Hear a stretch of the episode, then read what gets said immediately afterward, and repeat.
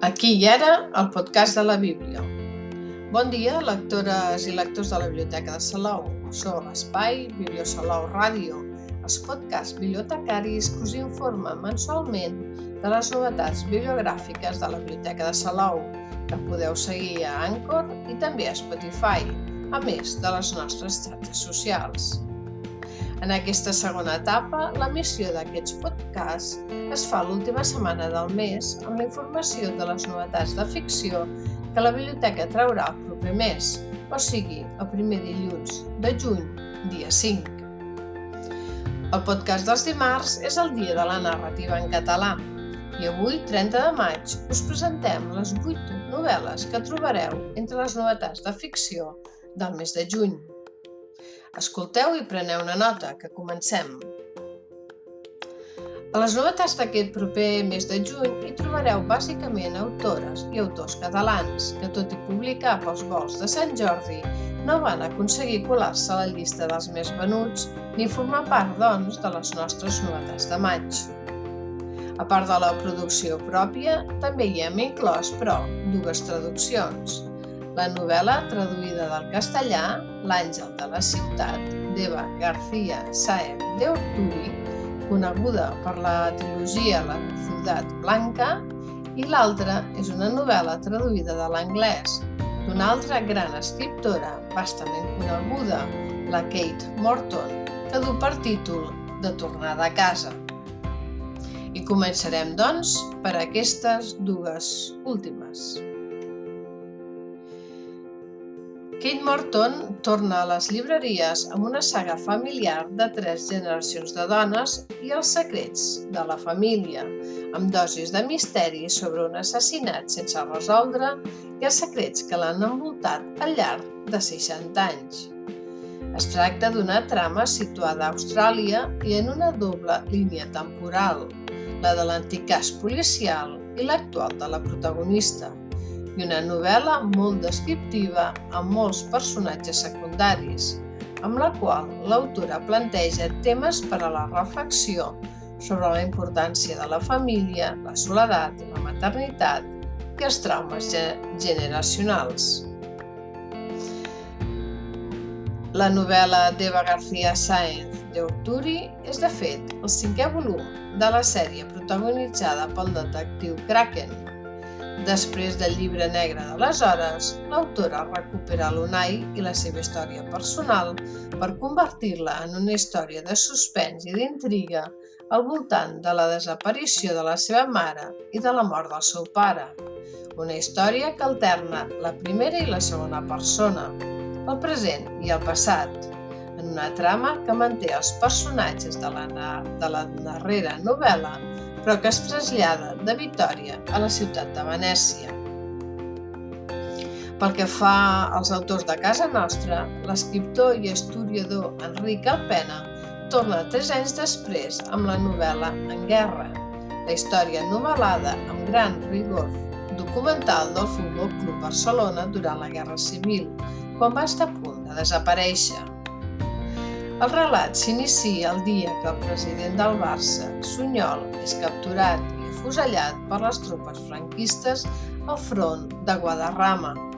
i es tanca quan el club és requisat per la falange franquista, un cop els franquistes arriben a Barcelona i recrea també de manera detallada l'expedició barcelonista a Mèxic i Nova York l'any 1937 per recaptar ingressos. No es tracta, però, d'una novel·la esportiva, sinó una visió de la història de Catalunya des del prisma d'un club, des del prisma d'un club esportiu com el Barça, on jugadors i partits donen un context i un escenari a la novel·la i són un fidel reflex de les diferents posicions envers la guerra civil i la misèria en què viu la societat catalana en aquells anys. En guerra és la segona novel·la i la continuació de la història del Futbol Club Barcelona després d'haver publicat el 2020 El primer capità, una novel·la sobre els primers anys del Barça que aprofundeix en la figura del seu fundador, el jove suís Hans Gamper. I sense moure'ns de la història de Catalunya, el periodista i escriptor Andreu Claret publica París amb nosaltres, guanyadora del Premi Ramon Llull 2023, una novel·la que després de publicar El secret del brigadista, el cònsul de Barcelona i 1939, La caiguda de Barcelona, culmina la seva incursió literària en la República, la Guerra Civil i l'exili al llarg de 15 anys de la seva història familiar. La novel·la narra la història del seu pare, polític català Andreu Claret Sus, un cop exiliat a França durant la Segona Guerra Mundial. En una ambientació històrica excel·lent, tal com destaca el jurat del premi, el protagonista se sobreposa a l'ambient tòxic de l'exili i combat l'adversitat, les penúries, les persecucions i la moral està alerta per descobrir l'amor, la llibertat i París. La història s'explica des de l'esperança d'una parella que es va sobreposar a l'adversitat i es va obrir camí, que de fet són les vides del pare i la mare, que mantenen a la novel·la els noms i els fets que van protagonitzar. També torna a Xufo Llorenç històric amb la vida que ens separa, una novel·la ambientada l'any 1977 a Barcelona, que reflecteix, a través de la seva protagonista, la vida de la dona espanyola als anys 60 i 70. Una vida en què el seu futur era el matrimoni i el seu paper cuidar de la casa i atendre el marit, la procreació i la cura dels fills, amb moltes obligacions i pràcticament cap dret. Una dona que depenia de l'home per a tot i ni tan sols podia disposar dels seus béns sense permís. I per descomptat, no podia abandonar el seu marit en cap circumstància. La història d'aquesta dona es narra a través de més de 600 pàgines de capítols curts i l'anirem coneixent a través de dues línies temporals. Una amb la protagonista jove que viu els seus primers amors i disgustos de la vida i una altra en què ja casada i amb cinc i amb quatre fills s'ha d'enfrontar a tots els problemes i a un futur incert. D'altra banda, La mestra i la bèstia, de la lleidatana Ima Monsó, és una novel·la agradolça sobre els enigmes d'una família aïllada en una casa a peu de carretera en algun lloc indeterminat a l'Empordà dels anys 50. La novel·la relata els primers 20 anys de la vida de la Severina, que viu amb els seus pares, aïllada de la societat i també de la realitat de la dictadura, perquè els seus pares, en una silenciosa oposició al règim franquista, decideixen protegir-la de la cruesa del règim amb un llenguatge en clau i una educació estranya, esperonant el seu esperit crític, però també donant-li a conèixer el mínim perquè no sembli desafecte al règim. I per acabar la novel·la i el relat, quan un cop morts els pares, es trasllada com a mestre sense vocació i escassa capacitat de comunicació oral a un petit poble del Pirineu Ribagorçà, on la càndida protagonista necessitarà el sentit comú i la complicitat d'altres personatges per encaixar-hi. I enfilem el tram final de les novetats de juny amb l'Albert Sánchez Pinyol i la Colla Valls. L'antropòleg i escriptor Albert Sánchez Pinyol va publicar aquest març la seva setena novel·la, Pregària, a Proserpina, on reflexiona sobre la moral i la política de la societat i sobre fins on pot arribar un home per evitar la fi del món. Es tracta d'una història d'aventures i intriga ambientada a Roma en el segle I abans de Crist, en una societat corrupta i esclavista en què Marc Tulli Ciceró el jove, fill del conegut orador i polític,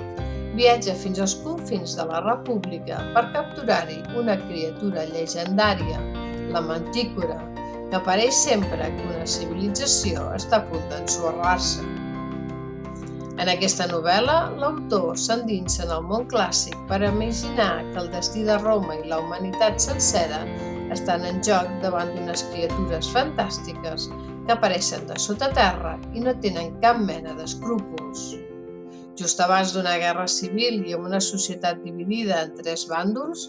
pompeians, cesarians i esclaus, els personatges de la novel·la hauran d'enfrontar-se al dilema d'unir-se i sacrificar les seves vides i els seus estatus per provar de combatre aquesta legió de criatures terrorífiques. D'altra banda, la reusenca Coia Valls va publicar aquest abril El llegat de les cendres, una novel·la històrica ambientada a la Barcelona del segle XIV, que ens explica un cas d'empoderament femení col·lectiu a l'edat mitjana, una època convulsa per una ciutat que encara patia les conseqüències de la pesta negra.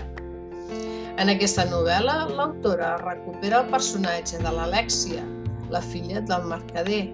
publicada el 2012, una noia que ha perdut el pare i haurà de fer-se càrrec del negoci familiar en un moment en què les dones no podien heretar els negocis familiars dels homes segons el dret romà que s'està instaurant. Una situació injusta que intentarà capgirar amb l'ajuda i la col·laboració d'un grup de sis dones més que, com ella, han enviudat i es troben soles al davant dels negocis familiars. La novel·la també aborda en profunditat i amb un gran rigor documental el lesbianisme durant l'edat mitjana, gràcies a una extensa documentació de l'autora. En el títol, l'autora fa referència a aquestes dones que hauran de sobreviure al dol, la negació, la ràbia, la tristor que deixa la pestilència per crear un nou món en què el símbol de les cendres de tot allò que crema és la memòria col·lectiva, la llavor de futur. I fins aquí, doncs, el podcast d'avui, que un mes més ha fet un petit repàs de totes les novetats de narrativa en català que estaran disponibles per vosaltres, lectores i lectors de la Biblioteca de Salou, el proper primer dilluns 5 de juny, en horari habitual de tarda. Que tingueu molt bon dia i molt bones lectures que us acompanyin en el dia a dia.